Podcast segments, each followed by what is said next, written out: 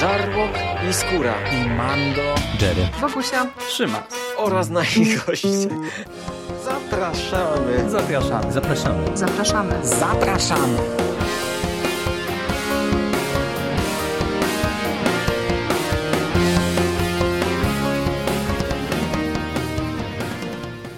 Czołem. Zapraszam na czwartą już odsłonę naszego rocznicowego QA. Najpierw będziemy kontynuować pytania od Franciszka i na pierwszy rzut idzie kwestia, czy muzyka na początku podcastów jest skomponowana przez nas. E, nie, muzyka nie jest skomponowana, pewnie już ktoś na to odpowiedział. E, muzyka jest głównie brana z takiego serwisu Jamendo. On, e, z tego kiedyś korzystali podcasterzy, gdy ja zaczynałem. On udostępnia głównie muzykę właśnie na takiej licencji, że można ją używać w podcastach, przy czym tam są jakieś jeszcze zasady, że powinno się podać źródło, powinno się podać autora, tytuł i tak dalej. No, nie wiem, czy to zrobiliśmy, ale tak naprawdę e, rzadko to robiłem. Szczególnie zanim wszedłem w YouTube'a, to w ogóle używałem wszystko jak leci, e, muzykę dawałem z filmów i tak dalej. Na YouTubie to już trochę to przycinają, e, tylko że to jest zmontowane jakoś tam przez nas, nie? Akurat do konglomeratu zmontował Szymas, ale ja też się bardzo często bawię w jakieś tam montowanie intro. No, tyle. Muzyka na początku audycji jest świetnie zmontowana w całość sygnału audycji. Bierze w jedność nasze wypowiedzi, e, a także dźwięki e, klimatem e, kojarzące się może troszkę z Iron Maiden, trochę z zespołem Goblin, trochę są to klimaty właśnie typu Giallo, takie mroczne, przechodzące potem w mocniejsze rockowe granie. No i tutaj właśnie sam ciągle chcę zadać to pytanie i ciągle zapominam i zastanawiam się, bo gdy pierwszy raz usłyszałem ten sygnał, ja go nie montowałem, to mówię, no świetnie ktoś to zmontował, naprawdę podoba mi się i wtedy chyba raz zapytałem i zapomniałem, zapomniałem. Natomiast y, część y, tego sygnału jest skomponowana przeze mnie, mianowicie to, co kolega wyciął y, z Żarłok TV, to co jest grane na gitarze akustycznej, czyli mm, gitarze z metalowymi strunami, bluesowa zagrywka, którą mogę powiedzieć, że tak ja skomponowałem. I właśnie byłem niezwykle zaskoczony, jak ktoś bardzo sprawnie to mm, wyciął i zmontował w całość. Aż y, naprawdę, no DJ, DJ, jeżeli miałbym stawiać, to ja bym obstawiał, że to Jerry zmontował w pierwszej kolejności, bo on jest e, najbardziej muzykalny i muzyczny, a w drugiej kolejności Szymasa bym stawiał, a w trzeciej, ostatniej kolejności bym stawiał Mando, bo Mando najczęściej na podcaście i we wszystkich podcastach mówi, że on się na muzyce nie zna. Potem parę razy wspominał, że się nie zna na muzyce Szymas e, i Jerry nie wspominał, że się zna na muzyce. Więc jakby biorąc pod uwagę te fakty, e, tak bym obstawiał. Natomiast e, to jest dziwne, że facet, który najwięcej razy mówił, że się nie zna na muzyce, to śpiewał w zespole. Więc to jest zagadkowe, prawda? No, chociaż biorąc pod uwagę, że był to zespół punkowy, to można usprawiedliwić, prawda, że punk wobec jakby tak opozycja, prawda, e, w kontrze, no to nie trzeba umieć ani grać, ani śpiewać, ani nic, e, byle być prawie że przytomnym jakoś tam i krzyczeć do mikrofonu. E, no więc podsumowując, świetny jest to sygnał, chociaż za długi. I tutaj też y, pamiętam, że Hubert narzekał, że po pewnym czasie troszkę mu się to znużyło, y, dlatego no, można to skracać, modelować. Ja bardzo lubię, jak na przykład wstawiać jakieś dźwięki, które zmieniają trochę ten sygnał. Na przykład zrobiłem taki sygnał do serii Niebezpieczne Wizje Harlana Ellisona, e, gdzie połączyłem dużo różnych sygnałów. Wziąłem sygnał ze strefy mroku, z Readers Initiative Rafała Jasińskiego, wziąłem swoje jakieś stare sygnały, wziąłem muzykę, coś z tula wsadziłem, dźwięki przeróżne, no tam chyba z 15 różnych dźwięków wsadziłem, żeby było jak najbardziej takie ryzykowne właśnie nawiązujące do tego um, zwrotu niebezpieczne wizje. I ogólnie też planuję od lat e, podcast na temat moich ulubionych sygnałów radiowych, czyli takich wstępów do audycji. Mm, no, Właśnie, no, za dużo, za dużo, za dużo by tego było, bo, bo, bo jest e, kilka wstępów do audycji, które lubię, więc, więc to jakby pominę e, i przejdę do następnego pytania, zapominając o waflach. E, nie, nie, nie. Muzyka na początku nie jest skomponowana przez nas. To są utwory na licencji Creative Commons, które znalazłem, e, bo to ja odpowiadałem właśnie za intro, outro i resztę tych takich stałych dźwięków w konglomeracie. Przesłuchiwałem, ja wiem, no z kilka tysięcy dostępnych właśnie e, w Creative Commons utworów i z tego wszystkiego, z tej puli wybrałem kilkanaście, czy tam dwadzieścia kilka i potem zacząłem wybierać fragmenty E, i proponowałem właśnie Mando i Jeremu, no bo wtedy to we trójkę głównie tworzyliśmy różne warianty i ostatecznie ja nie pamiętam, ale któryś z dźwięków, e, albo właśnie z intro, albo z outro, e, to ja miałem jakąś inną propozycję. Znaczy mnie bardziej pasował, tak, z tego co tam właśnie wybrałem, no ale tutaj panowie zadecydowali, że jednak podoba im się jeden z tych wariantów, który tutaj został, ale nie pamiętam właśnie, czy to było intro, czy outro, no ale to wszystko było i tak z tego, co ja tam jakoś wyselekcjonowałem. Więc się zgodziłem, no i tak właśnie to wszystko e, powstało. No o muzyce w zasadzie wszyscy już powiedzieli wszystko, e, nie jest skomponowana przez nas. Ja tak naprawdę e, króciutko chciałbym tylko jedną rzecz sprostować, bo Skóra chwalił, że to najprawdopodobniej ja zmontowałem to, to, ten, to intro nasze. Absolutnie nie, to Szyma zmontował to intro. To ja nie mam akurat dobrego ucha do montowania tak zaawansowanych rzeczy. E, to niestety ja byłem zawsze hamulcowym, e, który był zdania, że wyrzucać trailery, nie dawać wstawek, e, brak skomplikowanego montażu, surowa gadka, to, to, to jest jakby moja szkoła. I nie, jeżeli takie ładne rzeczy mamy w odcinkach, czyli właśnie jakąś tam muzykę, jakieś wstawki fajne, jakiś taki ciekawszy montaż, to nie ja, to, to, to chłopacy. Ile mieliście lat, gdy nagrywaliście pierwszy swój podcast? Pierwszy podcast nagrałem w 2011 roku, czyli miałem 32 lata. Wydaje mi się, że miałem około hmm, 24 lat, jak zaczynałem nagrywać pierwsze podcasty, a może nawet wcześniej to było. Tych podcastów nie da się nigdzie usłyszeć, ponieważ ich jakość była e, no, denna i nie, nie umieściłem ich w internecie. Hmm, nagrywałem je w ogóle na takim śmiesznym mikrofonie, który miał tylko kabel półmetrowy i musiałem siedzieć na podłodze obok skrzyni komputera. Nagrywałem te podcasty pod biurkiem. To było tak z perspektywy czasu śmieszno żenujące, ale, ale byłem studentem i, i, i, trochę żałowałem pieniędzy na dobry mikrofon.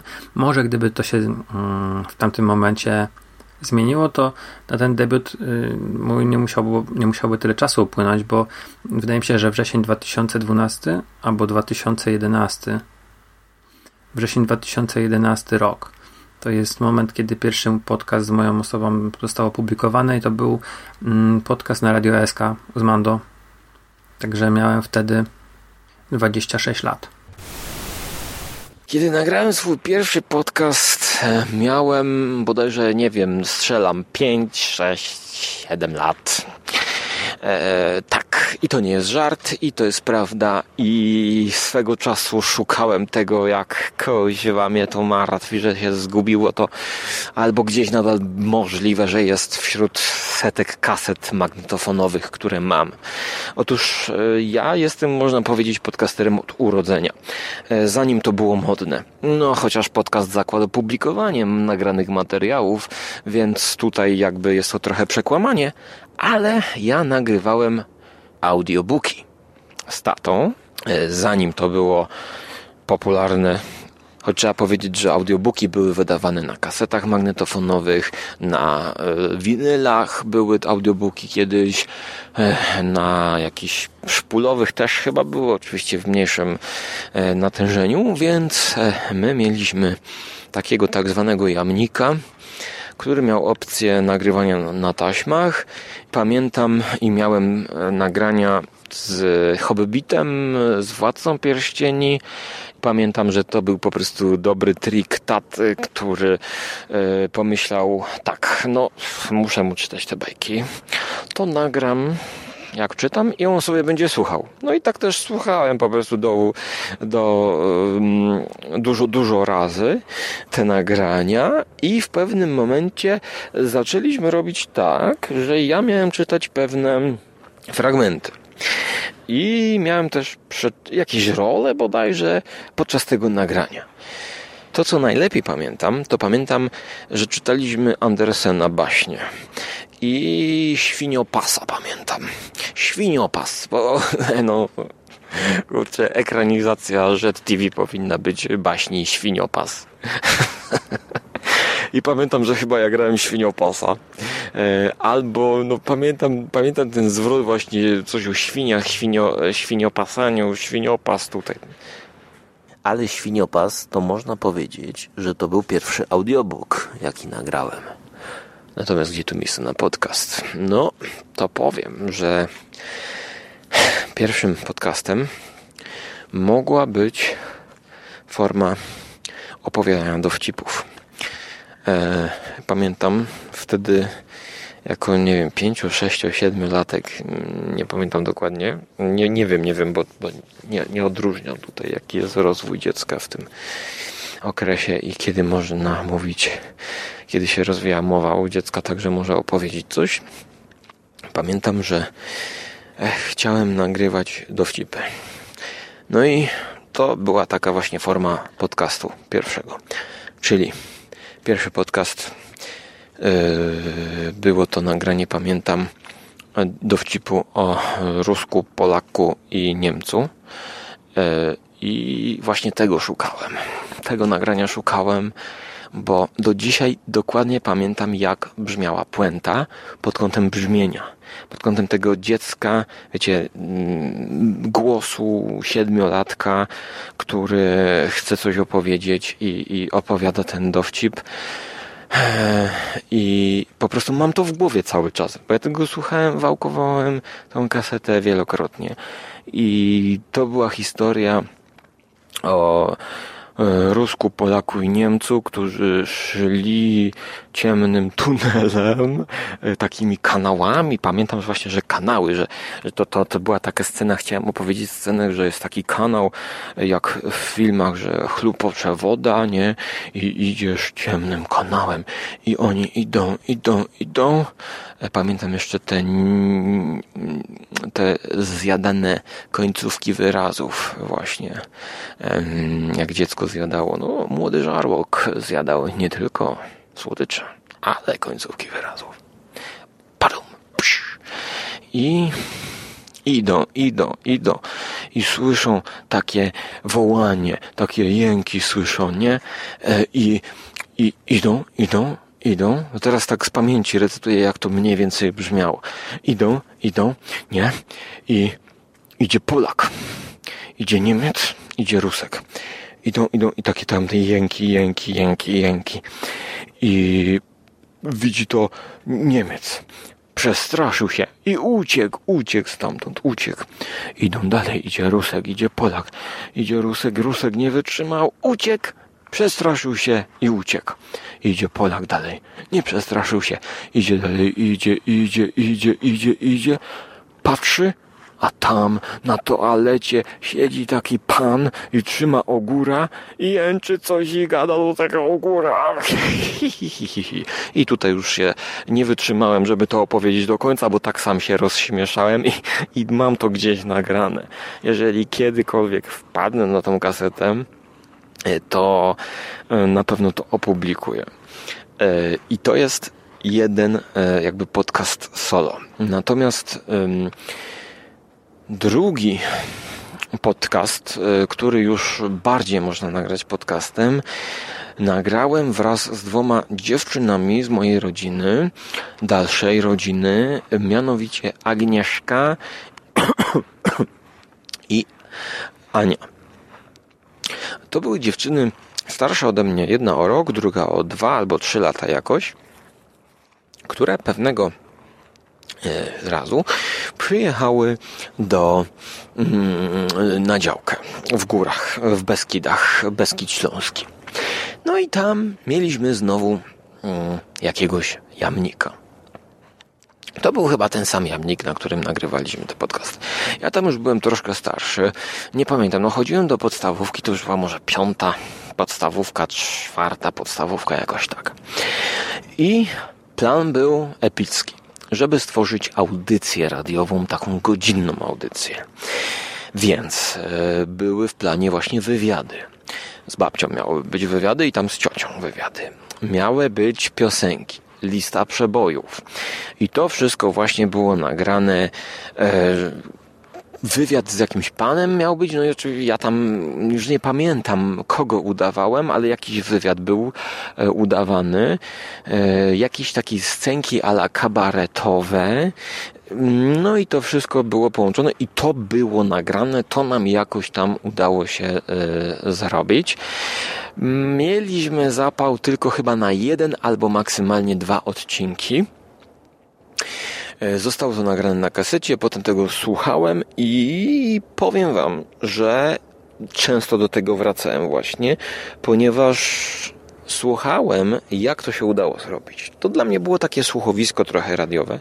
No i można powiedzieć, że zastępowało mi podcast, bo um, po pierwsze wtedy się chyba wkręciłem i już wtedy zakiełkowało to, że ja chcę nagrywać, bo czuję, że sprawia mi przyjemność to, prawda, stworzenie jakiegoś, no tam świata fikcyjnego, tej audycji takiej, e, no takie radio niby udawane, e, można wymyślić scenki, skelcze, kabarety, i pamiętam jeszcze, że był śpiew, czyli piosenki były na żywo śpiewane te dwie dziewczyny potrafiły śpiewać, no i one śpiewały piosenki jako przerywniki, e, bo wiecie, dziewczyny zawsze ładnie śpiewają od facetów.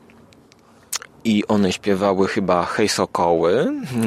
E, one śpiewały jeszcze jakieś dwie takie właśnie piosenki, e, trochę jakieś takie zaśpiewki ludowe. I to całkowicie na poważnie, jakby one, one, one śpiewały. To nie miało być właśnie z jajem. One ładnie śpiewały, ja w tym nie partycypowałem. E, więc różnorodność, no czy to podcast? Bardziej raczej właśnie to była taka udawana audycja radiowa, powiedziałbym. No ale e, myślę, że to jest jako pytanie, e, no chyba coś, co tutaj jakby, e, jeżeli ktoś pytał właśnie, no to raczej o pierwsze nagrania, no, bo jeśli chodzi o formę podcastu, no to tutaj możemy ustalać, wspierać się, wiecie, ludzie zaczęli publikować jako podcasty coś, co było zgrywką z radia internetowego, co było audycją prowadzoną na żywo, żywo.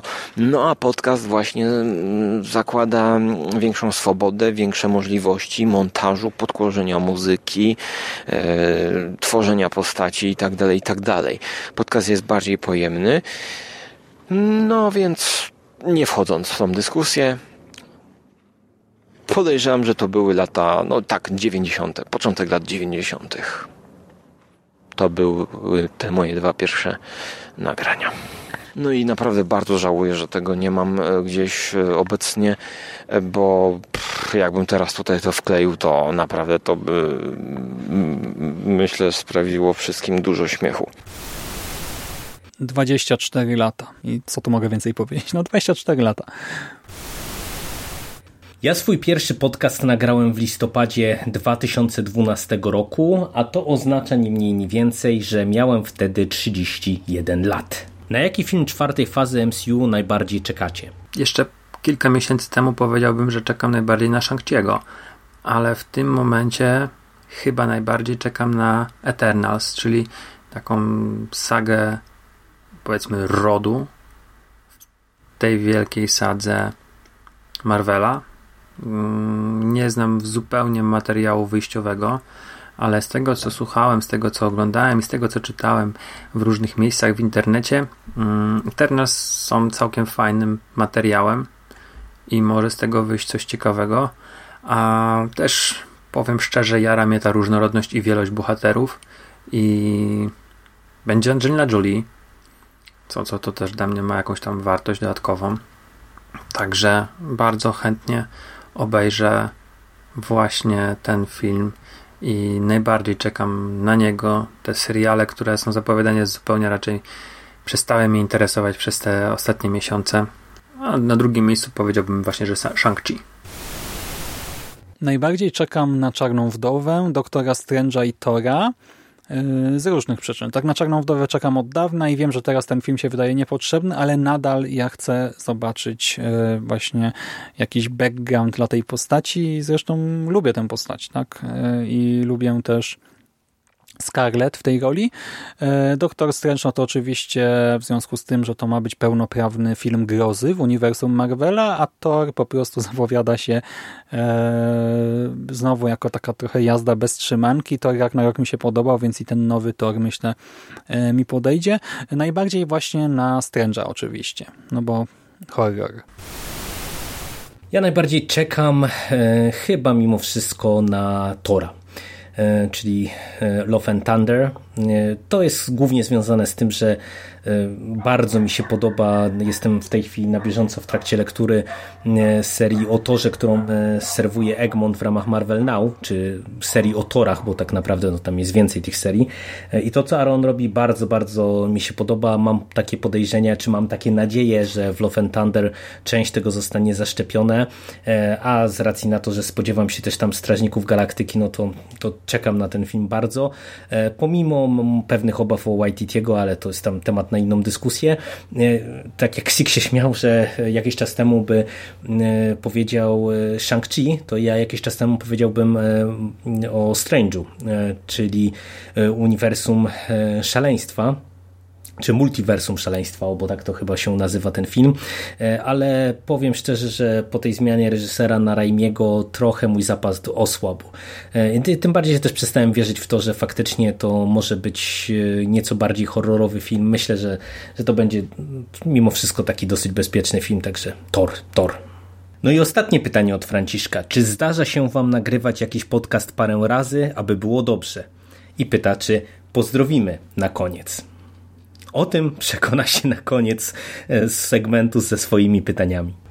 Już teraz w zasadzie mi się to nie zdarza. Mm, zdarzało mi się na samym początku. W ogóle jak startowałem, to nagrałem chyba mój drugi podcast e, z Radia SK, czyli Czarna Bezgwiezdna Noc. Ja go chyba nagrywałem jako pierwszego jeszcze przed e, wstępniakiem. Nagrałem go naprawdę dużo razy, z 3, 4, 5, pomimo tego, że miałem wszystko zapisane w zasadzie, co mam powiedzieć, to, to wiecie, no nie umiałem mówić, nie? Nie umiałem mówić i nagrywałem go kilka razy na leżąco, na siedząco, na stojąco, na chodząco. Bywało, że notatki raz nawet na telewizorze odpaliłem i chodziłem w kółko po pokoju i próbowałem to nagrać. E, dlatego to jest na pewno koszmarne, nie? Mm, ile razy można wałkować to, e, ale tak to nie zdarzyło mi się chyba nagrać podcastu jeszcze raz, bo źle wyszło. Zdarzyło mi się kilka razy, że coś się skopało w nagraniu i na przykład jakość była tragiczna i bywało nawet tak przy dialogach. I jest kilka podcastów, ale to sprzed kilku ładnych lat, e, które są dialogami, gdzie ja na przykład dogrywałem ścieżkę albo ktoś dogrywał później. E, na przykład rozmawiałem sobie ze skórą, skończyliśmy rozmowę, a potem ja patrzę, ten plik się cały zrypał, nie? Nie wiem, wiatrak na przykład miałem włączony i mi cały czas i nie szło z niego nic wyciągnąć i ja sobie puszczałem e, wypowiedzi skóry, mniej więcej więcej pamiętałem, co mówiłem jeszcze w, w, z nim i jeszcze raz to nagrywałem, rozmawiałem sobie z nagraniem.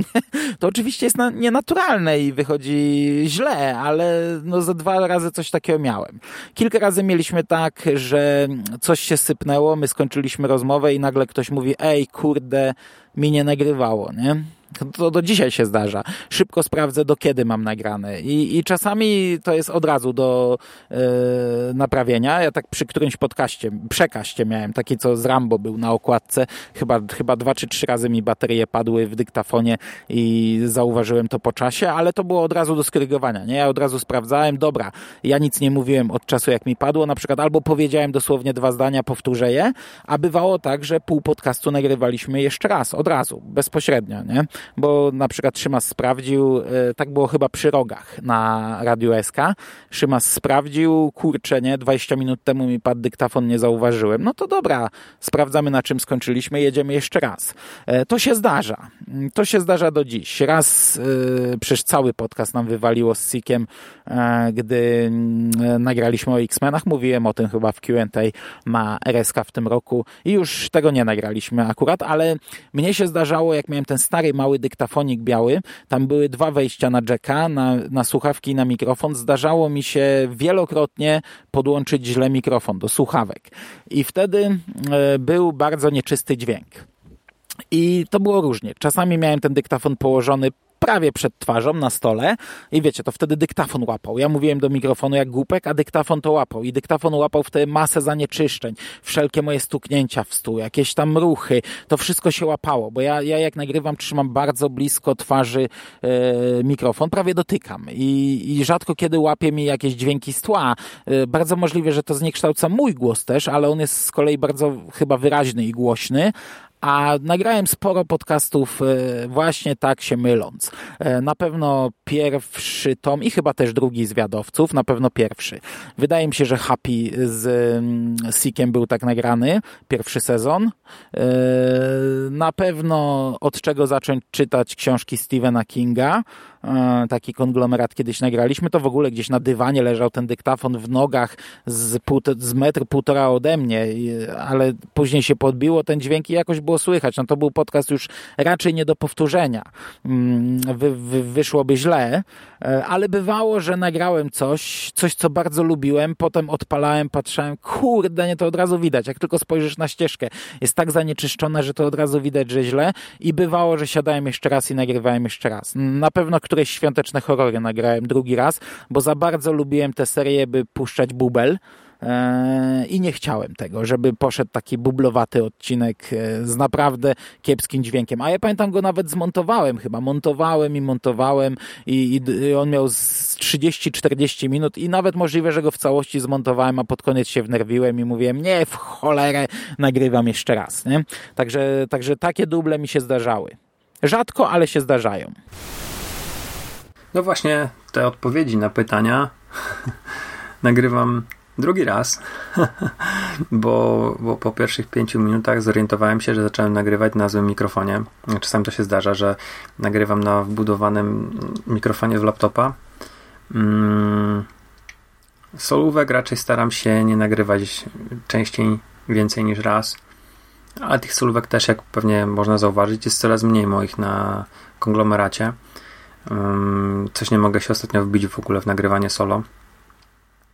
Jeżeli chodzi o rozmowy, zdarzyło się naprawdę dosłownie jeden czy dwa razy, że musieliśmy nagrać rozmowę od początku, bo komuś na przykład e, się nie nagrywało albo coś w tym rodzaju. Ale to są naprawdę jednostkowe przykłady i nie robimy na pewno tak, że po nagraniu podcastu, po zmontowaniu stwierdzamy, nie, no to jeszcze raz nagrywamy. Hmm, raczej, jeżeli się pomylimy, to taki moment pomyłki jest wycinany, my powtarzamy swoją kwestię i tyle. Ja już wielokrotnie, e, kochany słuchaczu, opowiadałem z Mando tę anegdotę, więc zachęcam do posłuchania starych, starych audycji wszystkich rocznicowych, bo dla mnie e, najlepszym przykładem tego, co można zrobić w podcastingu jest przykład audycji którejś dyskusji naszej duetu e, o książce Stephena Kinga chyba, e, którą nagrywaliśmy w taki oto sposób.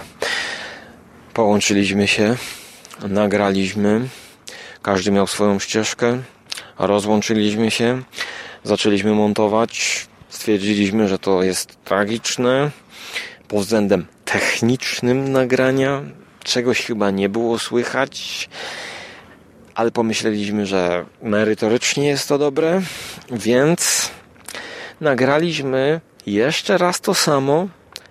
Każdy to, co powiedział, literalnie jeszcze raz, żeby było to dobrze słychać.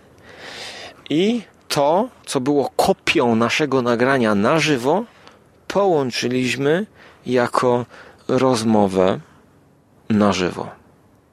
Czyli finalnie słuchacze dostali e, dwóch ludzi powtarzających właściwie tekst no, napisany tak jakby e, w takiej samej modulacji głosu, jaką słyszeliśmy. Połączony tak, jak tamta dyskusja miała brzmieć, ale nagrany na nowo, ale bez partnera już.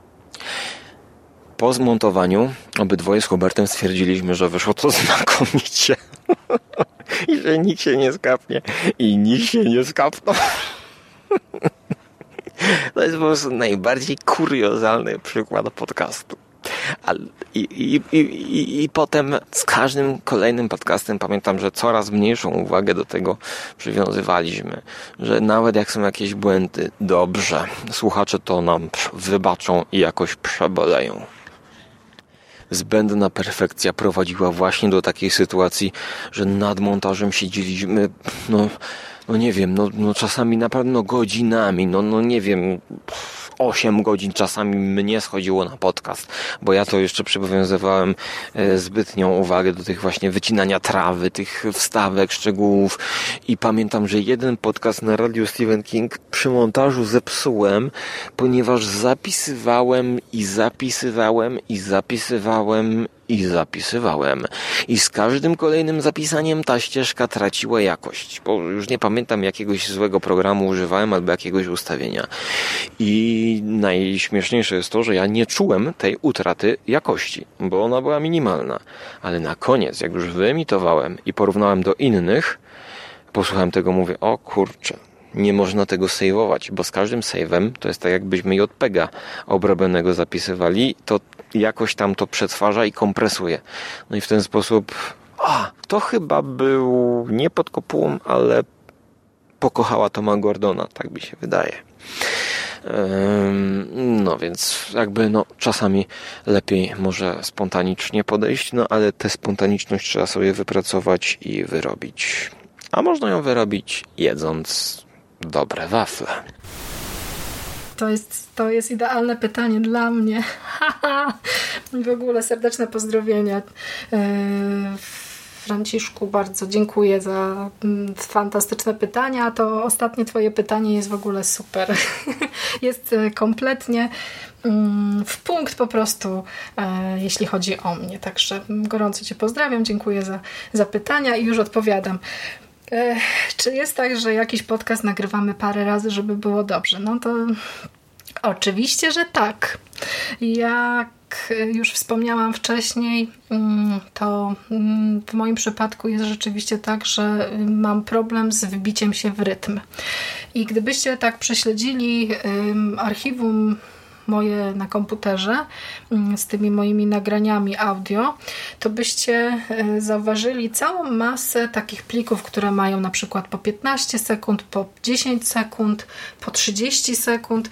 To są właśnie takie próby e, rozgadania się. To są takie mm, właśnie wstępy do podcastu, w których coś mi nie pasowało. Na przykład powitanie wyszło za sztywno, albo miałam jakiś taki głos nie taki, albo, mm, albo coś tam się wysypałam, coś mi się przejęzyczyło, albo coś spadło mm, i stwierdziłam, że po prostu nie można, nie można tego użyć, no to do, do, tego podcastu teraz, e, kiedy nagrywam do Was e, odpowiedzi na te wszystkie pytania z QA, mm, to, to też było tak, że zanim się rozgadałam, to miałam już na przykład cztery próby, nie? I, i dopiero teraz za, za piątym razem złapałam rytm i to po prostu nagranie płynie, mój głos mówi pracuje i wszystko jest ok i tak jak być powinno.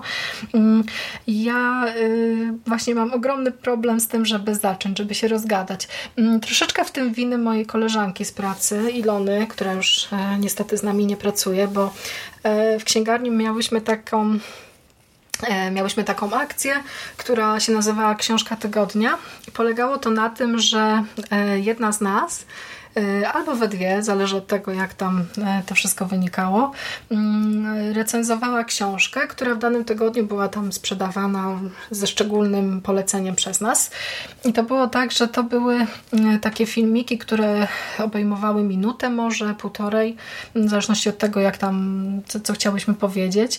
I to było takie straszne doświadczenie. Naprawdę, my z Iloną, ja to jeszcze, no, Ilona się ze mnie śmiała bardzo często, że ty, tobie się tutaj udaje za pierwszym razem, albo za drugim, albo za trzecim, bo czasami też na przykład klient wchodził i drzwi się otwierały i, i trzeba było nagranie przerwać i jeszcze raz, i jeszcze raz, i jeszcze raz. Natomiast jeśli chodzi o takie właśnie idealne e, podejście, to Ilona miała też y, konkretną wizję danego nagrania i czasami zdarzało się, że Mm, że zaczynałyśmy, zaczynałyśmy nagrywanie 10 razy, nie? więc to też rzeczywiście było, było tak. Ja na to mówię klątwa Ilony.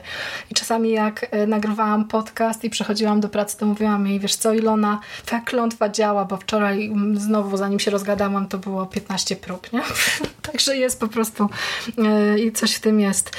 Mm, czasami też zdarza mi się zatrzymywać nagranie w, w połowie, na przykład kiedy zgubię myśl. Ja cały czas zapominam o tym, że mm, chłopacy mogą to zmontować. Kiedy się coś mi nie uda, spotknę się, zrobię jakiś błąd, mm, to nie trzeba od razu kasować całego nagrania, które było super. I rzeczywiście w tych plikach, które byście przesłuchali, ale nigdy tego nie zrobicie, bo nie, nie upublicznie ich ani razu, e, to słyszelibyście jakieś właśnie siarczyste tutaj przekleństwa, kiedy po 15 minutach podcastu nagle przychodzi taki efekt, że nie wiesz co powiedzieć, zapominasz, gubisz, gubisz myśl i jedyne co ci przychodzi do głowy to jakieś przekleństwo, bo cholera jasna już 15 minut było i musisz wyłączyć i zaczynać od nowa, nie? Także to jest po prostu straszne. A co jest najzabawniejsze jeszcze w moim nagrywaniu podcastów, to to, że najlepsze podcasty to takie, które nie doczekają się nagrania. Już tłumaczę o co chodzi. Ja czasami przed pracą mam coś takiego, że e, przygotowując się do wyjścia z domu, e, błąkam się po mieszkaniu, e, e, korzystam z łazienki, robię sobie śniadanie, ubieram się i tego typu różne rzeczy. I ja wtedy mówię do siebie. I na przykład wstaję rano i tak sobie myślę, że o, przeczytałaś wczoraj komiks taki albo inny. I co byś powiedziała na temat komiksu? No. I tak sobie chodzę po mieszkaniu i gadam, nie? że na przykład tutaj tak kadry były powiedzmy wyjątkowe, ta kreska artysty kojarzyła mi się z tym i tamtym. Nie? I tak chodzę, gadam, gadam, gadam, nie uruchomiwszy oczywiście dyktafonu, nie? No bo po co? I wychodzi z tego na przykład 20 minut takiego gadania, mm, które pięknie puentuje potem stając przed lustrem patrzę na siebie, wypucham śmiechem i sobie myślę, ale ty jesteś nienormalna. Okazuje się, że to e, mówienie, to nagrywanie e, e, recenzji mm, to jest już chyba jakaś taka rzecz, która siedzi we mnie na tyle głęboko, że ja to właściwie mogę robić mogę robić bez większego przygotowania. Do tego stopnia, że Naprawdę, te nagrania są fantastyczne. Te, te rozmowy moje ze sobą, opowiadanie sobie o tym lub o tamtym są naprawdę rewelacyjne, nie? więc mm, może powinnam sobie, w sobie wyrobić taki nawyk, żeby je nagrywać. Mm, albo po prostu zapytać sąsiadów, czy, e, czy jest ok, bo no, ciekawe, czy oni czy oni słyszą to, czy nie i czy sobie myślą, że ta babka, która mieszka pod 14, to jednak jest konkretna wariatka, bo przez 20 minut opowiadała o, e, o jakimś serialu albo o filmie sobie, albo kotu. Tak, podcasting jest rzeczywiście e, ciekawą, e, ciekawą formą komunikacji z otaczającym nas światem. Tak, zdecydowanie. Na samym początku to bywało tak dosyć często, tak, że robiłem kilka podejść pod solówkę, przy czym też bardzo często robiłem początek, sobie nagrywałem, w którymś momencie się zacinałem, stres wygrywał, zaczynałem się trząść, nie przestawałem panować nad głosem, musiałem do siebie mówić, trzyma spokojnie, tak, dasz radę, wyluzuj, nie jest źle, jest ok, zmontujesz to, poprawisz, coś tam, coś tam. I wtedy rzeczywiście robiłem kilka podejść. E, później w ostatnich latach e, to były pojedyncze przypadki, gdzie jak było, jako, było jakieś krótkie nagranie i to rzeczywiście trwało powiedzmy nie wiem, do 15 minut, a najlepiej właśnie około tam 10-12 to gdy nie byłem zadowolony, bo przykładowo siadałem po pracy, e, gdzieś tam w biegu siad, e, dałem do laptopa, tak, odpalałem sobie notatki, brałem dyktafon i nawijałem i czułem, że nie ma flow, tak, że coś nie gra, że jednak no jeszcze nie wyszedłem z tej sytuacji, w której byłem przed chwilą, także cały czas jednak jeszcze się nie przestawiłem na typ nagrywania na typ, na tryb nagrywania podcastów, tylko jestem jakiś taki zbyt sztywny czy coś, nie mam właśnie e, od, jakąś energii odpowiednio, to zdarzało się, że robiłem drugie podejście i to drugie podejście zawsze było lepsze, nie? No bo już po pierwsze przypominałem sobie, o czym chciałem mówić, wszystkie myśli się jakoś w głowie układały, kojarzyłem, co przy tym pierwszym nagraniu jakoś właśnie wypadło trochę sztywno, czy o czym mówiłem może za mało, o czym za dużo. E, no i te wszystkie właśnie poprawki mogłem na bieżąco wprowadzać. E, w ogóle kiedyś to też bywało tak, że nagrywałem coś po kilkanaście razy, ale to te same początki, jeszcze kombinaty i właśnie historia, prehistoria konglomeratu. E, no i bywało tak, że wybierałem albo najlepszą wersję, albo sklejałem takiego potwora Frankensteina z fragmentów tych poszczególnych nagrań, ale właśnie od pewnego czasu tak nie robię, no bo to nie ma sensu zwyczajnie. To jest marnowanie czasu, do tego zabawa potem z montażem, tak wyłapywanie, gdzie skończyłem, e, tak, w, że w tym pierwszym pliku powiedzmy biorę te trzy minuty, w tym kolejnym znowu od tej czwartej, e, w tym kolejnym znowu od tej piątej, do tego wtedy, wiesz, masz taką myśl w głowie, że e, dobra, to sprawdzę jeszcze, jak było w tym pierwszym nagraniu, tak, czy tamta piąta, szósta minuta na przykład są lepiej jeszcze niż w tym trzecim pliku i tak skaczesz po tym, masz mega bałagan, w ogóle pracujesz na kilku projektach w Audacity, nie polecam. Tak, to były e, po prostu początki człowieka, który nie był pewny siebie i dlatego tak kombinował i zresztą też efekt końcowy wcale nie jest jakiś super przy takim sklejaniu, e, więc najlepiej jest po prostu coś powtórzyć. Bywało też tak, że na przykład e, dyktafon komuś wysiadł, tak? czy nie wiem, baterie padły, skończyło się miejsce na karcie pamięci, czy po prostu z jakiegoś powodu Audacity na przykład wysiadło, nie zapisało projektu i rzeczywiście trzeba było nagrywać e, cały podcast, czy jakiś fragment podcastu od nowa, no ale to taki e, przypadek e, losowy po prostu, nie?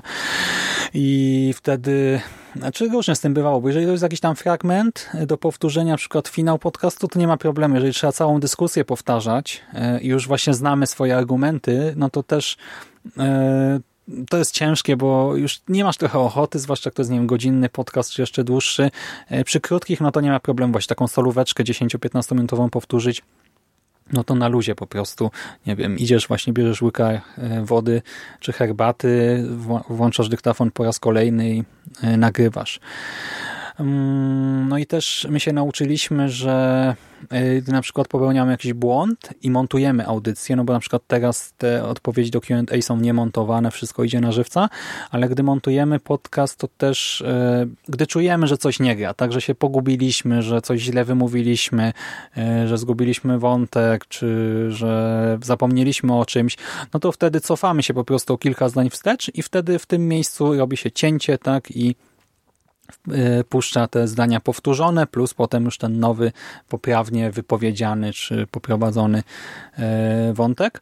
E, I nie widać właśnie wtedy tego spadku formy absolutnie i to też się w miarę wygodnie montuje, nie? więc to jest taki protip podcasterski, żeby nie poprawiać jednego słowa tylko, tak, czy nie tłumaczyć się na antenie, tylko po prostu się cofnąć o te zdania dwa, trzy, cztery, czy cały jakoś tam akapit o całą myśl i poprowadzić to jeszcze raz bardziej płynnie i wtedy łatwo się to montuje i dla słuchaczy też no ten efekt wtedy jest pozytywny, jednoznacznie widać. Brzmi to lepiej, tak jakby się znało oryginał i potem po montażu ten plik, no to byłoby widać ogromną różnicę. A czy Cię pozdrowimy? Hmm... No pewnie. Pozdrawiam Franciszka Ignatowskiego, jego rodzinę, przyjaciół, znajomych, bliższych i dalszych, sąsiadów, kolegów z pracy i zwierzęta domowe. Pozdrawiamy. Cześć. E, w zasadzie obecnie nie. E, kiedyś, e, tak jak wspominałem, ja czytałem te swoje nagrania i wtedy to było regularne. Bo po prostu w zasadzie jak zaczynałem czytać, to albo się pomyliłem, bo wiecie, no to jest tak, że jak się czyta, to nie ma tej płynności. Wystarczy jakaś tam jedna literówka, omsknie mi się zdanie e, gdzieś tam na, na komputerze i już e, musiałem to, to nagrywać jeszcze raz. Mm, stopniowo, jak zacząłem nagrywać solówki, jak się nauczyłem nagrywać solówki tak na spontanie i, i mówić płynnie po prostu bez czytania czy bez pisania wcześniej tych tekstów, jeżeli coś nagrywam, to najwyżej jaką, jakiś fragment, powtórzę jedno zdanie na przykład, nie? że zacznę, coś mi nie pasuje w początku, nagram je jeszcze raz. Jeżeli chodzi o całe odcinki, to ja pamiętam e, tylko parę przypadków, e, kiedy na przykład, nie wiem, po 20-30 minutach okazuje się, że komuś się coś nie nagrywa, no to powtarzamy. E, przy czym no, ja nie jestem fanem e, tego rodzaju rzeczy, znaczy fanem, no to trudno być fanem powtórek, ale e, no, ja mam zawsze problem lekki z takimi nagraniami, bo mam wrażenie, że takie drugie nagranie często traci na naturalności, na płynności. Wiecie, jak my gadamy tak bardzo nakręceni, jak gadamy normalnie, no to później, kiedy zaczynamy rozmowę drugi raz, no to to jest trochę tak, że trzeba się wbić, powtarzać te same rzeczy, nigdy się nie powtórzy tego samego tak samo, no i, i to, to rodzi jakieś tam problemy, chociaż zdarzały się takie rzeczy i myślę, że to dla, ze stratą dla Was, drodzy słuchacze, to nie było, e, bo tutaj myślę, że to te, te, takie rzeczy raczej nie były dla Was słyszalne. E, zdarzało nam się parokrotnie dogrywać wstawki. E, ale to też myślę, że są rzeczy, których nie jesteście w stanie wyłapać. Nawet w niedawnym odcinku była wstawka dograna, doklejona w środek odcinka. Myślę, że nikt się nie zorientował, a nawet nie będę mówił, w którym odcinku była wstawka. To, to dosyć długa nawet. Ona chyba miała tam z 3 do 5 minut. E, a parę razy to takie mniejsze rzeczy też robiliśmy, gdzie o czymś się zapomniało, e, coś po prostu dograliśmy post factum i, i dodawaliśmy. Także tyle. No i niniejszym kończymy pytania od Franciszka. Dzięki Ci za wszystkie pytania interesujące, e, ciekawe i pozdrawiamy Cię serdecznie w tym rocznicowym odcinku. Zakończyliśmy pytania od Franciszka i rozpoczynamy ostatnią pokaźną porcję pytań, e, którą otrzymaliśmy tym razem od Łukasza Świniarskiego na Facebooku. Pierwsze pytanie. Jak to się stało, że czasem na Jerego wołacie z Gredek?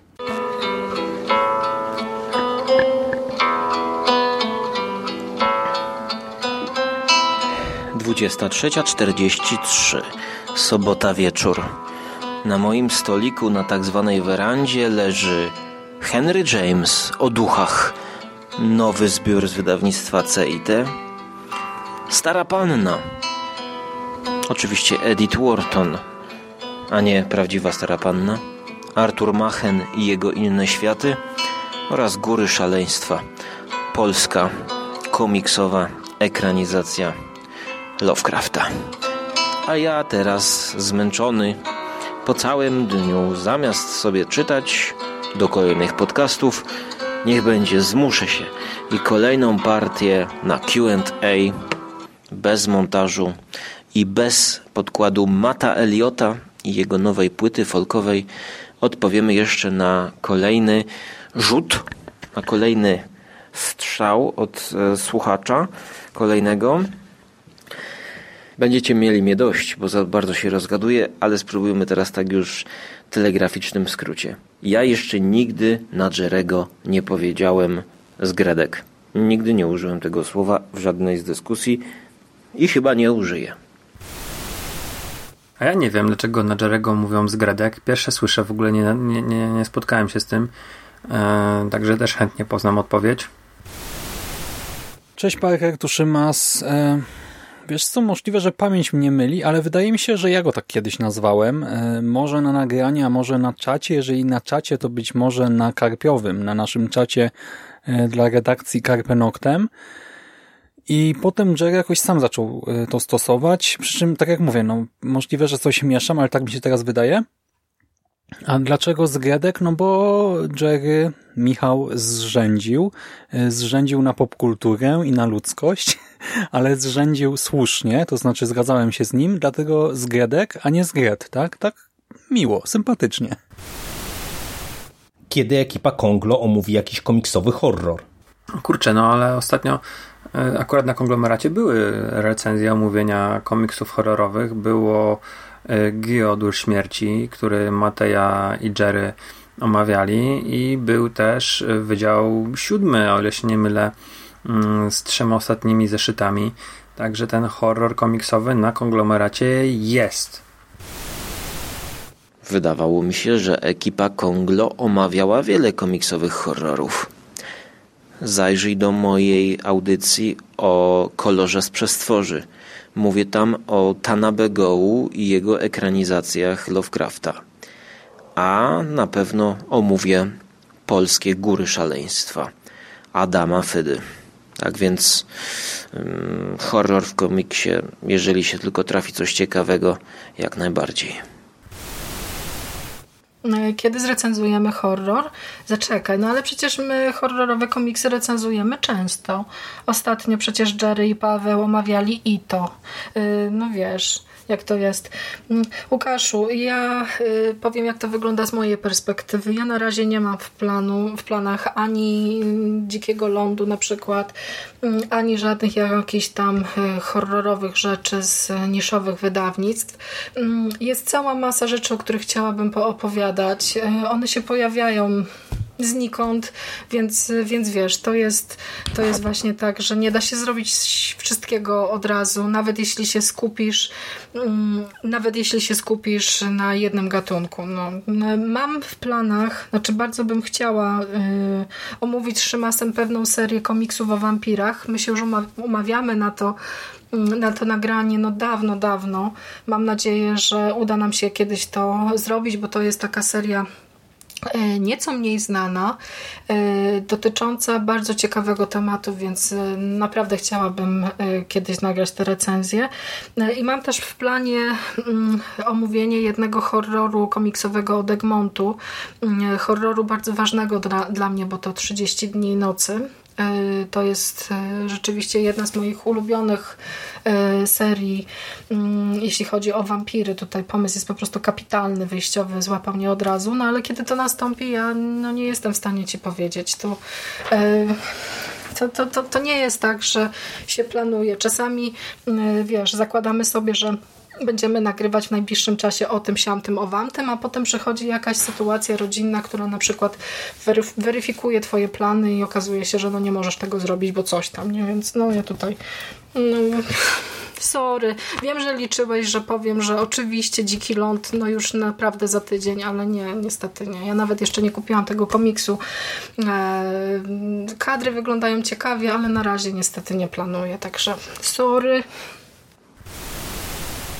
Hmm, kiedy? No w tym roku omówimy jakiś komiksowy horror i w kolejnym, i za dwa lata, i za trzy lata, za cztery też, za pięć również, i za sześć. No tak myślę, że w każdym roku będziemy omawiać. A kiedy najbliższy taki odcinek, to jeszcze nikt tego nie wie. Ani my, ani żadna siła wyższa, więc po prostu no, pozostawimy cię w niepewności. My non-stop omawiamy komiksowe horrory. Planów jest dużo, pewnie wkrótce. Kto z Was widział Plan 9 z kosmosu? Widziałem Plan 9 z kosmosu. W moim towarzystwie Edward jest raczej ceniony. Jego filmy pojawiały się na różnych imprezach mm, o tematyce filmowej, głównie wideo zło. I mimo, że jakoś specjalnie hm, tych filmów e, nie pamiętam, to to jednak e, mam raczej pozytywne z nimi skojarzenia i na pewno ten tytuł najgorszego filmu na świecie dla planu 9 z kosmosu jest, jest mm, chybiony. To nie jest aż tak zły film. Jasne, on jest, on jest słaby, jeżeli chodzi o aktorstwo, realizację, efekty specjalne, ale jest pocieszny, daje radość i, i e, nie jest to jakaś wielka droga przez mękę. Także można ten film spokojnie obejrzeć dla śmiechu, do piwka ze znajomymi i dobrze się bawić. No troszkę nas obrażasz tym pytaniem, czy widzieliśmy Plan 9 z kosmosu, bo nawet jeżeli ktoś by nie widział, to powiedziałby, że to oczywiście zaległość. Ja widziałem chyba dwa i pół raza. Natomiast Plan 9 z kosmosu jest przereklamowany jako zły horror. Widziałem gorsze. Więc widziałem. Ja widziałam e, plan 9 z kosmosu. Plan 9, plan 9 no, wiecie o co chodzi. Mm, od czasu do czasu pokazuje ten film TVP Kultura.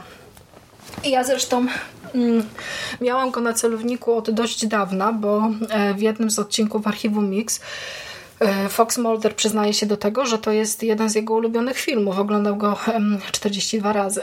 Ja jeszcze niestety takiej statystyki e, nie mam, jeśli chodzi o oglądalność, mm, ale e, pamiętam, że mm, to jest strasznie chaotyczny film.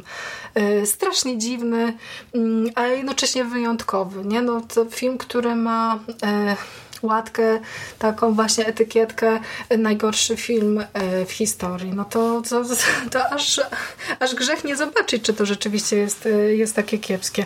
Mm, ja chętnie bym do niego wróciła, powiem Ci szczerze, bo jako chyba widziałam tylko dwa razy i po dziś dzień nie wiem o co chodziło w tym filmie.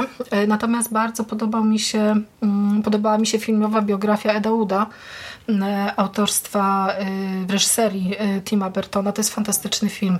I zupełnie inaczej patrzy się na plan dziewiąty plan 9 z perspektywy właśnie osoby, która troszeczkę zna biografię Eda Wooda, bo po tym filmie Bartona trochę poczytałam i wydał mi się naprawdę bardzo taką ciekawą osobowością e, i też trochę nieszczęśliwą do pewnego stopnia, ale takim marzycielem, takim wyjątkowym marzycielem, idealistą, który jednak po trupach a ten swój e, sen spełnił. Także jeśli byście chcieli, moi drodzy koledzy, e, obejrzeć plan 9 z kosmosu i sobie o tym pogadać, to może, może nawet i bym chętnie e, dołączyła do tej dyskusji.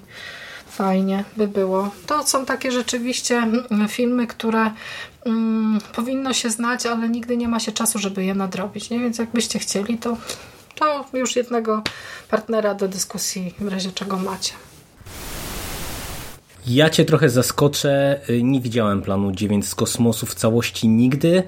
E, to jest jeden z takich filmów, które ja mam na liście do nadrobienia, e, ale ja nie jestem jakimś wielkim fanem e, te, tego kina lat 50., właśnie science fiction, takiego zgrzebnego. Mm, wydaje mi się, że to jest takie kino, które obecnie ma wartość albo historyczną, albo nie wiem, do obejrzenia na jakiejś imprezie, jakby serwowano plan dziewiąty z kosmosu, nie wiem, chociażby na najgorszych filmach świata, to z chęcią bym się wybrał.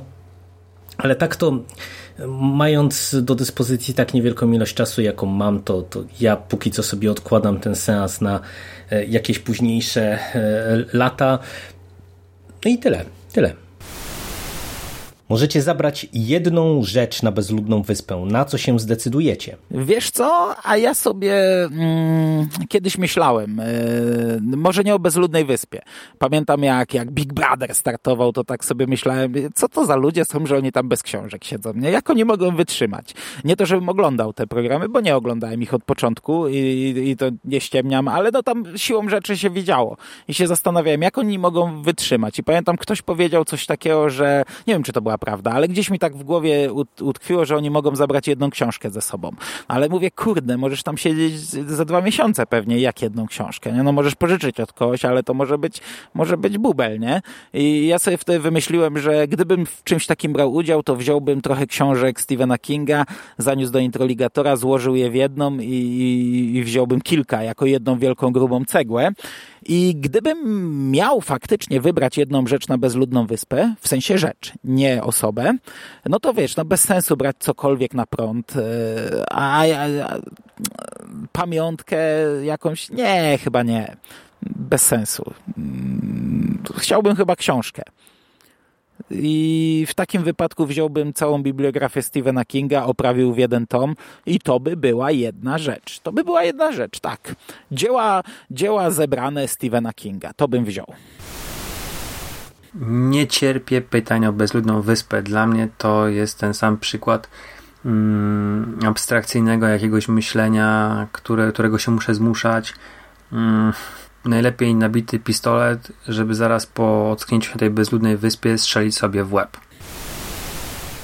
Na bezludną wyspę zabrałbym chyba jakiś generator prądu wraz z laptopem i z internetem, więc po prostu, żeby mieć połączenie z internetem.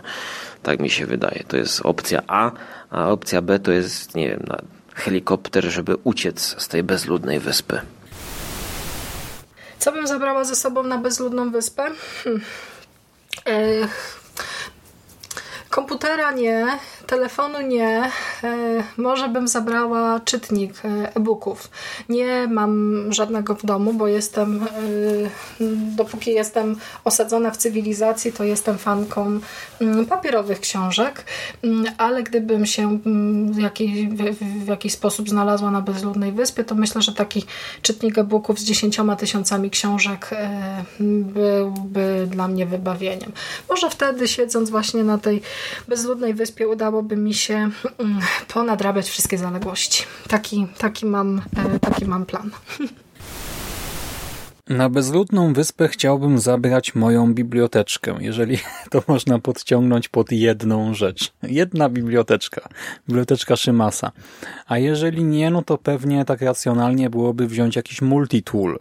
Jakiś wielofunkcyjny scyzoryk z milionem po prostu końcówek opcji i tak dalej, żeby jakoś przeżyć na tej bezludnej wyspie, nie? No, chyba coś takiego. Mówiłem już w tym Q&A, że ja bardzo nie lubię takich abstrakcyjnych pytań. E, w zasadzie to można podejść do tego praktycznie albo y, tak lightowo. Jakbym miał podejść lightowo, to bym pewnie zabrał mm, e-booka, y, bo to jest, wiecie, y, kopalnia książek, a jakbym się miał znaleźć na bezludnej wyspie, no to zakładam, że jeżeli udałoby mi się przeżyć w ogóle, no to nuda by mogła mnie zabić, jeżeli nie jakieś okoliczności fizyczne, a jeżeli bym miał coś zaserwować takiego właśnie bardziej praktycznego, e, to pewnie e, nóż, nóż jakiś, bo mogę się obronić, coś upolować, coś zbudować, także jakiś solidny nóż. Jak radzicie sobie w czasie pandemii? No ja już wróciłem do pracy teraz, wiesz co, odpowiadałem na to pytanie w Q&A na Radio SK. Przez prawie trzy miesiące byłem na opiece, siedziałem w domu, nie było wcale łatwo. Przez e, pierwszy chyba miesiąc, nie pamiętam jak długo trwała ta zaostrzona taka sytuacja, no to w ogóle nie wychodziłem z dzieciakami z domu, także posiedź miesiąc w domu z dzieciakami ktoś, kto no, no, doświadcza tego, to, to, to, to wie, jakie to jest wyzwanie. Nie było łatwo. I i w ogóle to był dość trudny okres. Znaczy, pomijając to, jak się czułem, bo, bo miałem okres, gdzie, gdzie trochę się bałem, nie? Tego, miałem okres takiej lekkiej paniki, ale wiesz, no wszędzie czytałem, jak to ludzie lajtowo, jak to ludzie się już nudzą, jak to ludzie już, już obejrzeli wszystkie filmy, wykupili sobie Netflixa, cuda na kiju, już nie mają co czytać, nie? A ja bidny naprawdę, tak mi statystyki wszelkie spadły przez ten okres, no bo to wiesz, cały dzień z dziećmi, yy, po południu, gdy wracała żona, wcale nie było lepiej. Z roboty od cholery. Potem ewentualnie wieczorem w ramach e, takiej terapii nagrywaliśmy jakiś podcast. Nie było kiedy go zmontować. Jerry miał jakoś czas, nie wiem skąd. Ja nie miałem i prawie nic nie zmontowałem w tym okresie. Nie było kiedy co oglądać, bo, bo, bo też nie chciałem nocy zarywać, bo wiedziałem, że o 6 czy 7 będzie pobudka, a potem cały dzień samemu z dziećmi Także to był fajny okres, ale popkulturowo czy tak y, wypoczynkowo był ciężki. Ja nie wypocząłem absolutnie przez ten okres i jak widziałem te wszystkie memy, że żeby uratować świat musisz tylko leżeć na dupie, no to, to, to się cieszyłem, że ludzie mają tak fajnie, ale, ale żałowałem, że ja tak nie mam. Chciałbym poleżeć sobie na dupie i sobie po prostu pooglądać filmy, czy poczytać książki, czy popatrzeć w sufit. A ja radziłem sobie w czasie pandemii całkiem dobrze, bo może mm, ten początkowy okres był, był pełen niepewności, jakiegoś tam strachu. Mm, o tyle im dalej, tym było lepiej. Jakoś ominęło nas wszelkiego rodzaju nieprzewidziane sytuacje związane z mm, szpitalem, lekarzem. Ale po prostu jak było tylko ciepło, albo po prostu jak tylko nie wiało, nie padało, zabierałem córkę mm, na wieś tam, gdzie mam dom i, e, i spędzaliśmy czas na świeżym powietrzu. Moje dziecko było wybiegane, bawiliśmy się, tam w okolicy są stawy zalewowe, y, rzeki, e, las. Mieliśmy masę, masę spacerów, godziny na świeżym powietrzu, piaskownica, huśtawka. Także u nas ten, ten okres e, powiedzmy pandemiczny spędzaliśmy bardzo aktywnie, zdrowo i poza tym jakoś specjalnie nic się nie zmieniło. Może, może tylko tyle, że jakoś specjalnie nie miałem ochoty na konsumowanie jakichś większych ilości popkultury i też byłem strasznie zmęczony całym social mediami, tym wszystkimi informacjami, fake newsami, waleniem w jedną prawą, lewą stronę, polityką, po prostu gdzieś tam w jakiś sposób musiałem się od tego odciąć i, i te wyjazdy, wyjazdy na działkę, mm, wyjazdy na wieś były, były bardzo, bardzo przyjemną odskocznią, którą właściwie uskuteczniałem w każdym możliwym momencie. Ja sobie w czasach pandemii nie radzę. Denerwuje mnie teraz to, że został zdjęty nakaz noszenia maseczek. Mogliby to jeszcze przytrzymać, bo myślałem, że ludzie będą na tyle rozsądni, że będą chodzić. Dlatego ja teraz w miejscach, gdzie jest dużo ludzi, to na 100%. Mówiłem o tym w jednym podcaście, że dopiero jak się to skończy, to dopiero będzie problem. Jak ludzie przestaną chodzić, w maseczkach i naprawdę nie rozumiem, jaki jest problem chodzić w maseczce. No na dłuższą metę, owszem, to męczy. Y, ale jeżeli wchodzimy do jakiegoś sklepu, to naprawdę, no w mojej opinii maseczki wyglądają zajebiście. No tak typowe post-apo. W Japonii, w Tokio, to, to, to nikt na to nie zwraca uwagi. A zauważyłem, że teraz jak y, zniesiono już nakaz chodzenia w maseczkach, to ja już w maseczce czułem się dziwny, bo powiedzmy w Krakowie po bulwarach wzdłuż Wisły byłem sam. I, I tak się już dziwnie czułem. A ja jestem raczej takim y, no, skrytym gościem, który na ulicy nie chce się rzucać, y, szary człowiek, niech na mnie najlepiej w ogóle nie patrzą, no i troszkę tak głupio samemu w tej maseczce. Mm, w Biedronce wchodzę do Biedronki, też kurde, połowa ludzi bez maseczek. Naprawdę nie rozumiem, jaki to jest problem. Naprawdę nie rozumiem, jaki jest problem chodzić w tej maseczce. Oczywiście jest też trochę przesady w drugą stronę, być może, ale ja akurat mam te, ten mm, handicap, że kiedyś kupowałem na smog maseczkę, tak trochę dmuchając na zimne, bo no nie wiem jak to jest z tym smogiem. Kupiłem sobie maseczkę za 99 zł polskiej firmy Dragon. Świetny design. No po prostu podoba mi się to nawet jako element biżuterii, nazwijmy to. Te niektóre maseczki naprawdę wyglądają znakomicie. A to, co zauważyłem, to ciekawy, ciekawa obserwacja z mojej strony. Otóż, kiedy wszyscy chodzili w maseczkach, to każda dziewczyna zwracała moją uwagę. To, że miała zasłonięte oczy, to, że miała zasłoniętą twarz i tylko było widać oczy, to mam wrażenie, że bardziej to hipnotyzuje. Jakby każda dziewczyna wydaje się piękniejsza, bo nie wiadomo, co tam się może kryć i wyobraźnia zaczyna działać I miałem takie, miałem takie właśnie sytuacje, że patrzyłem, patrzyłem, kurczę, nie no, ładna dziewczyna, ciekawe jak wygląda. Zdejmowała maseczkę i już ten czar pryskał na przykład, tak? No, nie w moim typie. Więc wydaje mi się, że naprawdę te maseczki są, no, czy są modne, no, ciekawi mnie jak w, w pomniejszych miastach. Bo w Krakowie, no to jeszcze Wiecie, to jest rowerzyści, którzy jeżdżą w kaskach, nie jest to nic dziwnego. No a na wsi jak ktoś sobie kaskę założy, no to tak trochę jest raz, że trzeba kasę wydać na to i to jest indywiduum, no chyba, że ktoś rzeczywiście jedzie w góry kolażówką, no to jest to bardziej zrozumiałe. Natomiast tutaj ciekawostka, kaski mi się nie podobają zupełnie i, i śmieszą mnie kaski. No, niektórych mogą śmieszyć maseczki, okej, okay, no ale... Tak więc ja sobie nie radzę przytyłem podczas epidemii. Ciężko jest zorganizować czas. To jest dziwne, dziwne. Temat na osobny podcast. Dobra przerwa. Pandemia? Kurczę. Czy wy macie ochotę jeszcze w ogóle słuchać na temat pandemii albo rozmawiać na temat pandemii? Mm, tu to jest e, rzeczywiście dziwny czas, mm, rzeczywiście trudny czas. Ten początkowy etap, kiedy e, to wszystko wybuchło i pozamykały się szkoły, zostały pozamykane sklepy, mm, nastąpiła ta cała ogólnopolska kwarantanna, to ja miałam wtedy dwa tygodnie urlopu E, wróciłam do pracy i tak cały czas usiłowałam sobie wmówić, że, e, że to jednak nie jest takie straszne, nie? że tutaj e, no, trzeba uważać, ale jednak, jednak mimo wszystko to nie jest takie szaleństwo, jak usiłują nam wmówić. Ja nadal nie do końca wiem, jak myśleć o tym wszystkim.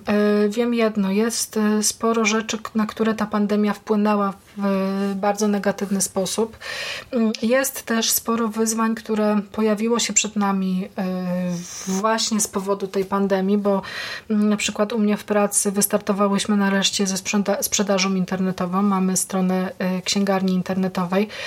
Ja też z ogromnym niepokojem obserwuję to, co to, co dzieje się na, e, na rynku księgarskim, jeśli chodzi właśnie o ilość zamykanych księgarni, e, przesuwanych premier, to wszystko są takie rzeczy, które no, nie nastrajają optymistycznie. Mm, te pierwsze dwa tygodnie pandemii, które spędziłam w domu, to był, to był taki czas dla mnie. To był taki czas, kiedy nic nie robiłam. Obiecałam sobie, że wiecie, będę nadrabiać jakieś zaległości tutaj, może coś właśnie nagram jakiś podcast, może sobie coś poczytam. E, natomiast czułam się tak zmęczona całą tą sytuacją, jeszcze tam się ponawarstwiały trochę moje rodzinne problemy też, e, że po prostu nie byłam w stanie skupić się na niczym. Ja yy, posprzątałam nareszcie w domu, bo już sobie obiecywałam, że yy, zrobię kilka takich rzeczy, yy, poprzeglądam szafy, po, po, powyrzucam jakieś tam stare szpargały, yy, wyczyszczę piwnicę. To nareszcie to wszystko nastąpiło, bo to ta kwarantanna właśnie e, kojarzy mi się z takim czasem dla mnie, nie? z takim momentem, kiedy, e, kiedy siedzę przymusowo zamknięta w domu i nareszcie mogę ponadrabiać niektóre zaległości. E, żałuję teraz z perspektywy mm, osoby, która wróciła do pracy, żałuję, że nie wykorzystałam tych dwóch tygodni w inny sposób, no wiecie, oglądanie seriali, czytanie książek, bo teraz jak wróciłam do pracy, to jednak okazuje się, że sporo tych zadań jest tutaj, e, trzeba wiele rzeczy robić i e, na takie jakieś mm, tutaj przyjemne, e, przyjemne sytuacje no jest coraz mniej czasu niestety. Ta pandemia to też kojarzy mi się z takim momentem wyciszenia, z taką chwilą, kiedy e, świat się zatrzymał, kiedy na, nareszcie zaczęliśmy się e, skupiać na sobie, na najbliższych, kiedy zaczęliśmy się zastanawiać nad, nad niektórymi rzeczami, nie? Więc pod tym kątem to e, to wydaje mi się, że mimo wszystko dobrze, że mieliśmy taki czas e, izolacji. Chociaż ja się przyznam, że e, rzeczywiście mam już dość e, rozmawiania o pandemii, mam już dość tego początku roku, bo jest on naprawdę bardzo ciężki. Strasznie brakuje mi wyjazdów. W zeszłym roku o tej porze to miałam już za sobą, wiecie, festiwal tutaj jakiś lokalny, literacki. Byłam już na festiwalu, Międzynarodowym Festiwalu Kryminału we Wrocławiu Wrocławiu. Już miałam trochę spotkań. Był Pyrkon przecież też, chociaż w zeszłym roku nie dotarłam na festiwal, to w tym roku chciałam. No i te wszystkie plany właśnie zostały pokrzyżowane przez, przez pandemię, także mimo, mimo wszystko żałuję zmarnowanych szans, ale jednocześnie wychodzę z takiego założenia, że jeśli teraz coś nastąpi właśnie po takim czasie, kiedy byliśmy zamknięci i ograniczeni, no to będziemy się z niektórych rzeczy cieszyć dwa razy mocniej. Także no, fajnie byłoby, jakbyśmy, jakby ludzkość wyciągnęła wnioski z tej całej właśnie kwarantanny, z tej całej izolacji, ale mm, już widać, że niektórzy rzeczywiście nie odrobili lekcji. Nie będę tutaj uderzać w żadne moralizatorskie, filozoficzne tony. No, po prostu pandemia e, tak wygląda z mojej perspektywy. Nie? Teraz wróciłam do pracy, już próbujemy funkcjonować normalnie i no i mimo wszystko e, myślimy pozytywnie. O, trzyma, trzymam kciuki za tych y, ludzi, którym pandemia trochę pokrzyżowała życie. Fajnie byłoby, jakby, wiecie, udało się im znaleźć znowu pracę i, e, i żeby ich życie wróciło do, do normalności. Także e, trzymam, trzymam kciuki i życzę szczęścia. Wam też, bo mm, nie wiem w jakich sytuacjach życiowych teraz jesteście, na ile właśnie to wszystko, co się dzieje wokół nas e, wpłynęło na Was. Mam nadzieję, że wszystkie problemy uda Wam się rozwiązać. Także trzymam kciuki i wiecie, damy radę, nie? Osobiście raczej nieźle sobie radzę w czasie tej pandemii. Mm, wiesz, to było duże wyzwanie dla mnie od strony logistycznej e, i zawodowej po prostu, bo cała moja praca jak gdyby tak? Została wywrócona do góry nogami. Wychodziłem sobie we wtorek e, z pracy z uczelni o 21 praktycznie. I powiedziałem do ochrony, tak, no to dam do zobaczenia jutro pojutrze. I dowiedziałem się przypadkiem, tak, że być może jutro budynek będzie zamknięty, jutro z tamtej perspektywy, tak następnego dnia. I rzeczywiście tak się okazało, e, że wszystko zostało zamknięte, tak nagle nasze rzeczy, książki, e, jakieś notatki, prace pozostały w naszych biurach, gabinetach, a do budynku dostępu nie było, więc e, no cała ta akcja została przeprowadzona troszkę byle jak, tak bezsensownie. No ministerstwo tutaj dało ciała, tak, bo zamiast jakoś, no właśnie dać ten dzień, dwa chociaż, e, by przygotować ludzi e, do tej sytuacji, no to wszystko zadziało się nagle, jeszcze taką drogą nieoficjalną przeszły te informacje no i zostaliśmy wszyscy jako pracownicy tak uczelni, studenci w sumie też postawieni w takiej dość niefajnej sytuacji. Przy czym ja dość szybko się przestawiłem na pracę zdalną. E, to znaczy przez pierwszy tydzień po prostu, nawet nie cały tydzień, bo to było od środy do poniedziałku. E, testowałem różnego rodzaju programy, tak, e, kombinowałem tutaj z tym, jak przekazywać ten dźwięk i obraz, gdzie da się udostępnić ekran, e, właśnie gdzie można dodać e, tych kilkudziesięciu uczestników, które programy są płatne, które bezpłatne, gdzie trzeba się logować, gdzie nie.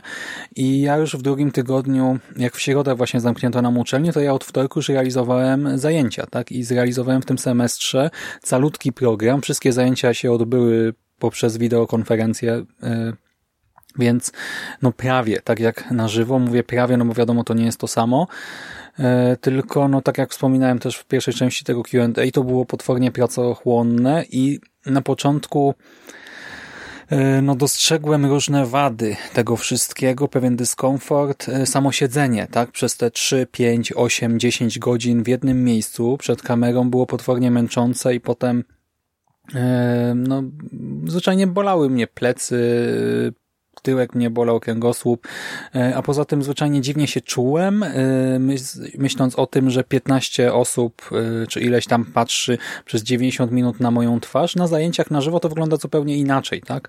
Trochę się siedzi, trochę się wstanie, pochodzi się między uczestnikami zajęć, no wokół tablicy też się pobiega w tej i we w te. Tak człowiek jest jednak w ruchu. Jestem takim wykładowcą, który raczej nie siedzi przez te 90 minut przy biurku, tylko e, tam zajrzy ludziom w notatki, e, tam coś podpowie, skomentuje, poprawi e, i też gdy coś tłumaczę, no to raczej wstaję, poruszam się, gestykuluję. A tutaj nie, po prostu trzeba siedzieć w tym jednym miejscu i no to było fizycznie męczące i psychicznie też ta świadomość, że e, na przykład e, no, na żywo, taki też tip e, z życia, jak nie wiem, przykładowo nagle czujesz, że zaraz kichniesz, czy nie wiem, katar gdzieś tam się pojawia, czy nie wiem, odbija się powietrze, chce się beknąć, czy coś, no to na żywo zawsze można się odwrócić do tablicy i jakoś z tego wybrnąć, czy właśnie odwrócić się do tablicy i wysmarkać, a gdy siedzisz przed tą kamerką, ze słuchawkami e, na uszach, jesteś przypięty tymi kablami też do tego wszystkiego. Niby możesz wstać, ale to jest e, no, nagle wstajesz, tak, i, i albo mówisz, nie wiem, idę się wysmarkać, no też w ogóle taka sytuacja trochę niekomfortowa, no i też masz wrażenie, że, nie wiem, każde twoje mrugnięcie teraz, czy jakieś tam ruchy mięśni twarzy są na wielkim ekranie, tak, u każdego z uczestników kursu, to też wzbudzało we mnie jakiś taki dyskomfort. Mm, I zwyczajnie brakowało mi interakcji, tego, że e, ludzie bardzo szybko przestali używać własnych kamerek, tak, że mm, no bo po prostu wtedy nie mogli siedzieć w piżamie nawet na zajęciach, tak, czy to studenci, czy kursanci, dorośli, e, młodsi, wszyscy. I e, no bez tego obrazu, tylko z dźwiękiem i bez możliwości właśnie podejścia, zajrzenia w notatki, czy zobaczenia miny nawet kogoś, kto odpowiada w danym momencie, no ciężej się pracuje zwyczajnie. Jest to mniej przyjemne, dlatego ja na przykład zawsze starałem się jednak mieć tę kamerę włączoną, żeby ludzie widzieli, tak, kiedy kiwam głową, kiedy się uśmiecham, kiedy się zamyślę, e, bo to jednak bardzo dużo daje i odcięcie tego mocno zaburza cały ten proces e, komunikacji. No zajęcia na żywo prowadzi się po prostu o wiele przyjemniej i wtedy bardziej czuję się, że jestem w swoim żywiole, że mam nad wszystkim kontrolę, e, że wiem co jest grane. Tak samo widzę na przykład, gdy ktoś przestaje pisać, tak gdy ludzie skończyli dane zadanie wykonywać e, albo gdy utknęli w jakimś miejscu, a przez komunikator ten czy inny, no jeszcze gdy nie ma obrazu, no to ja nie wiem, czy ludzie tam pospali, tak, czy sobie grają w coś w tym samym czasie, czy wyszli, no i do tego te wszystkie problemy techniczne typu mama zaczęła odkurzać. Wiedziała, że dziecko ma zajęcia, ale w tym momencie stwierdziła, że wbije z odkurzaczem do pokoju. E, na jednych zajęciach miałem trzy takie mamy jednocześnie, tak, na nie wiem ile, 16-17 osób, więc no kosmos, tak? Jakie jest prawdopodobieństwo tego, nie wiem, no ale mm, cóż, Szymasowi się musiało coś takiego przydarzyć. Do tego wiecie, cały czas jakieś karetki, zwierzęta, młodsze rodzeństwo gdzieś tam w tle. No wiadomo, to może nie jest jakiś tam przeogromny problem, da się to obejść, ale tak jak ja sobie z tym radzę, tak już y, kursanci, studenci y, nie zawsze.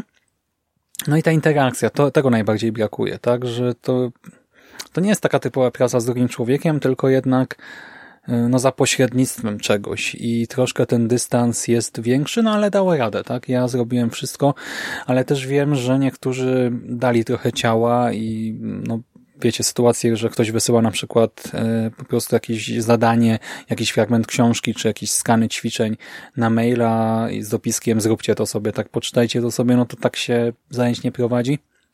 No i wiem też, że w związku z tym dla studentów to też był ciężki czas, no ale jakoś tam, tak jak mówię, daliśmy radę.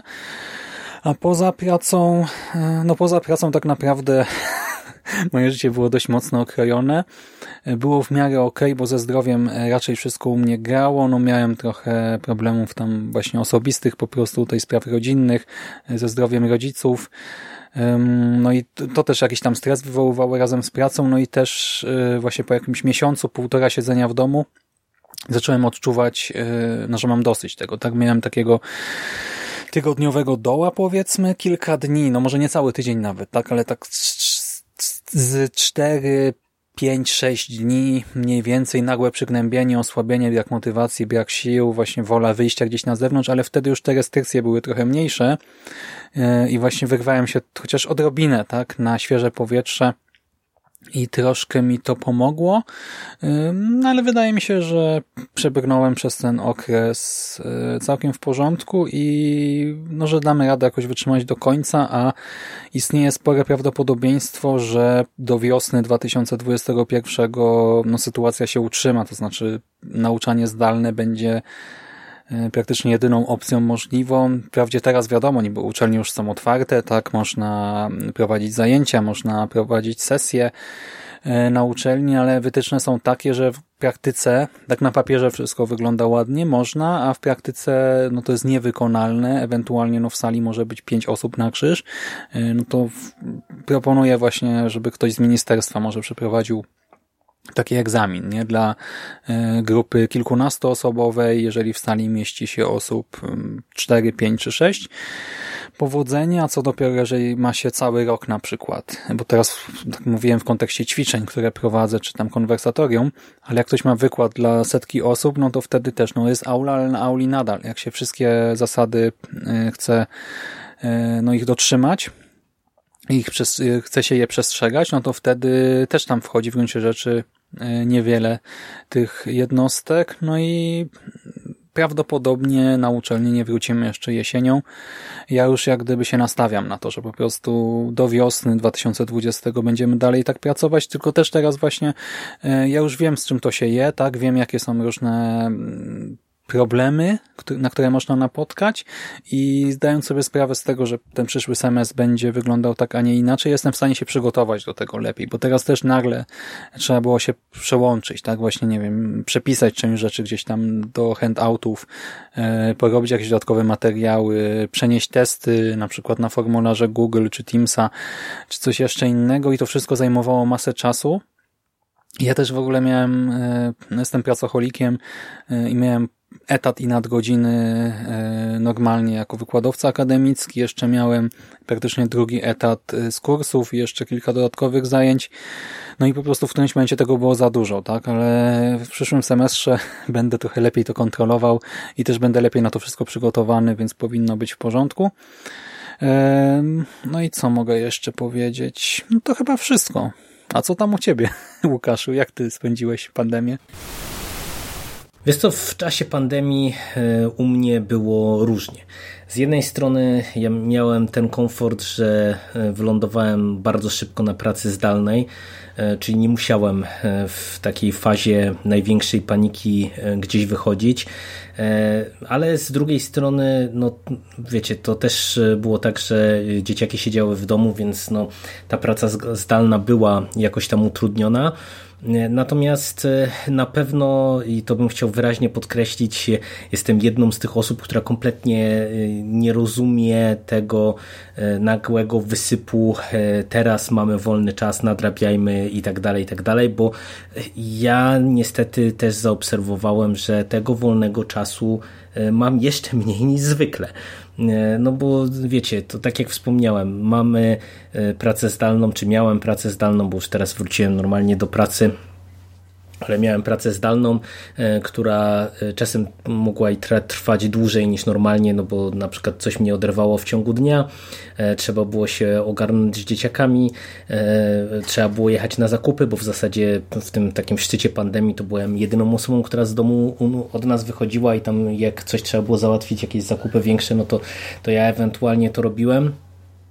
No i po prostu nie miałem za bardzo czasu na pochłanianie popkultury, tym bardziej, że e, co też na pewno widzieliście, e, my żeśmy dosyć regularnie nagrywali w tym e, szczycie pandemii, co działało kojąco na psychikę, a też powodowało, że po prostu było mniej czasu na, na nadrabianie jakichś tam innych rzeczy. Mm, ja paradoksalnie, gdyby nie to, że właśnie trzeba było siedzieć w domu, to w ogóle bym jakichś większych zmian e, w swoim takim harmonogramie, e, trybie dnia nie zaobserwował, e, bo jeżeli chodzi o taką panikę, to ja powiem szczerze, byłem chyba w miarę spokojny cały czas. Nie rozumiałem tej wielkiej paniki na początku, tego wykupywania, wiecie, makaronów, mąki i tak dalej, i tak dalej.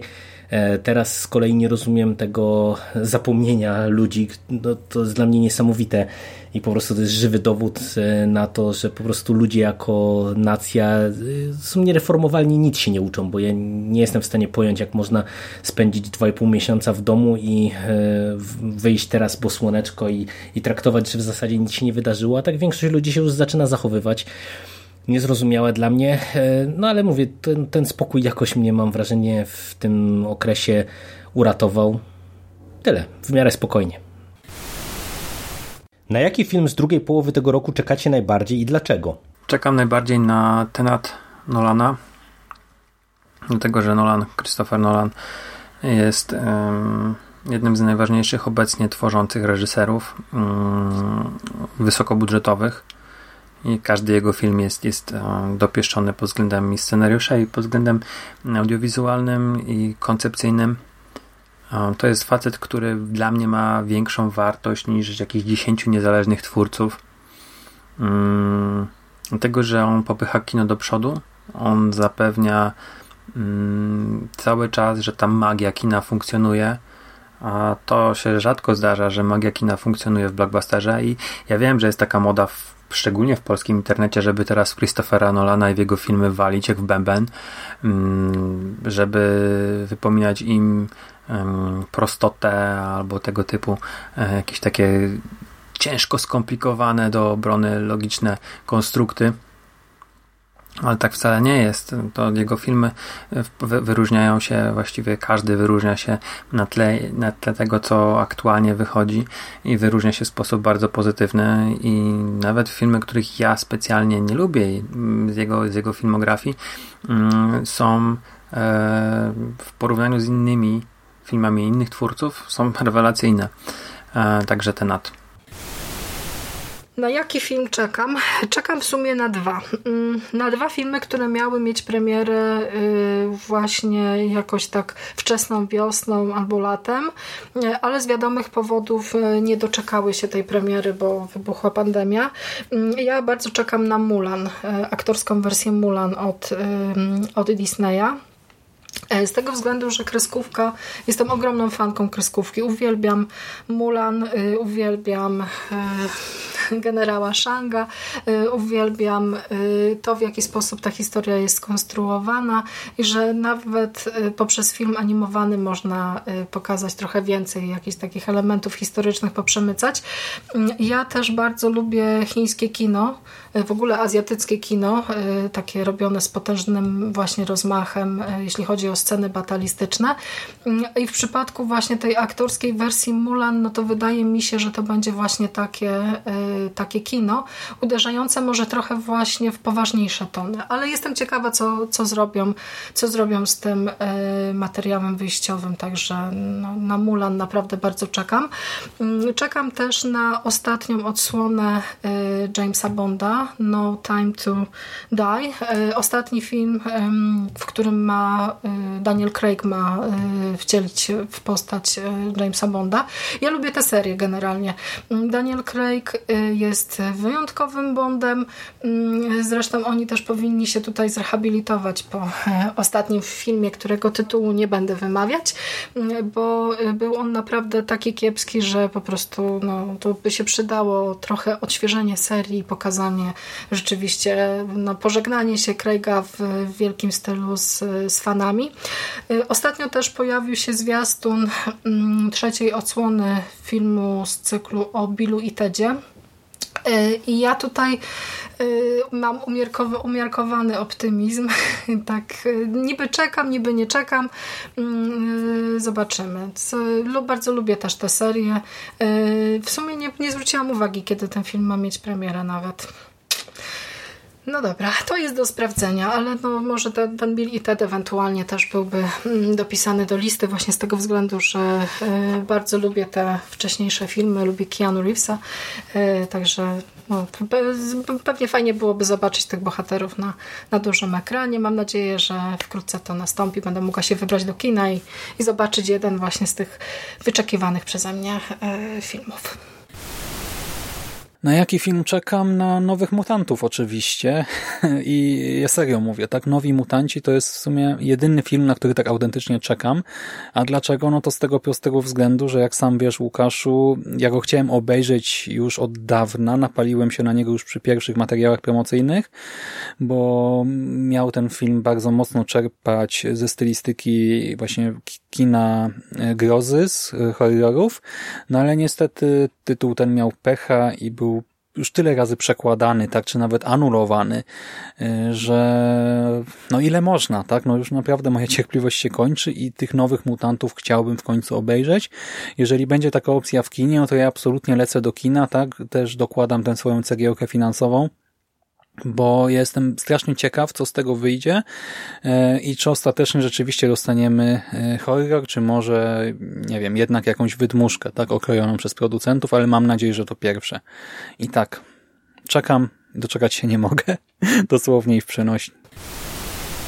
Wiesz ja czekam na kilka filmów, e, tylko pytanie tak po prawdzie, ile my tych filmów dostaniemy, bo co już przekładane premiery pokazują, że czy, co, czy czegokolwiek z tych głośnych premier się doczekamy, to jest jeszcze pytanie otwarte.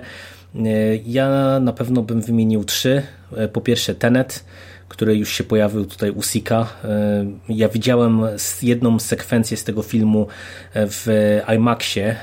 Nie pamiętam przed czym, nie, nie wiem czy to było przed Gwiezdnymi Wojnami, możliwe, że przed Gwiezdnymi Wojnami i po prostu robi obłędne wrażenie. Ja osobiście jestem fanem Nolana, nie, też tak jak Sik nie rozumiem specjalnie tego takiego jakoś hejtu na tego reżysera, który teraz się z różnych miejsc leje i umniejszania jego zasług. W zasadzie ja nie widziałem słabego filmu w jego wykonaniu. W zasadzie każdy miał coś do zaoferowania moim zdaniem, także, także czekam na Tenet bardzo. E, czekam na Bonda, bo ja zawsze czekam na Bonda. Jestem wielkim fanem serii od Sztyla i po prostu e, mam nadzieję, że się twórcy zrehabilitują i mając e, do dyspozycji coś, co wydawało się nierealne, czyli Daniela Krega na jeszcze jeden film, po prostu zrobią świetny film, bo, bo moim zdaniem Craig był bardzo dobrym Bondem, tylko po początkowym takim impecie ten impet został szybko wytracony i mam wrażenie, że po dwóch bardzo dobrych pierwszych filmach kolejne dwa były już no były Tyle mogę o nich powiedzieć. No i pytanie, co z Duną? E, no, teoretycznie jest zapowiadana na koniec roku. E, czy tak się to utrzyma? Ja osobiście nie sądzę. E, lubię Wilnewa, więc też e, pomimo tego, że nie czytałem materiału źródłowego i nie mam specjalnie jakichś wielkich oczekiwań co do tego filmu, to chętnie przyjmę, bo wiecie, blockbuster w kosmosie to zawsze będę e, chętnie obserwował. Na dziś byłoby to na tyle. Zapraszamy już jutro na finałowy odcinek rocznicowego Q&A.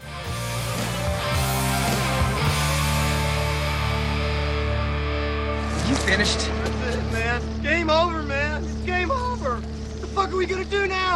Are we gonna do? It's over. Nothing is over. Nothing. You just don't turn it off.